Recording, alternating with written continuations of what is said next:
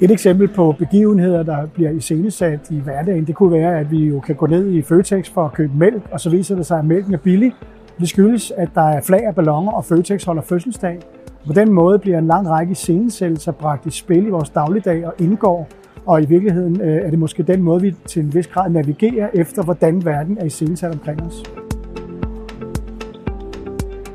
Jeg hedder Michael Ejtved, og jeg er lektor i teater- og performancestudier på Københavns Universitet. Ved at forstå begivenheder og iscenesættelsen af dem, der kan man få en indsigt i,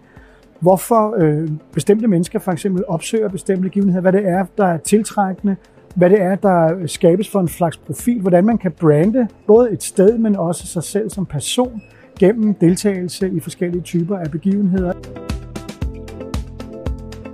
Vi lever i en tid med mange paradokser og dilemmaer, og det at lave begivenheder og agere i dem er måske en måde at håndtere dem på og skabe en art overblik i noget, der ellers er meget flydende og diffust.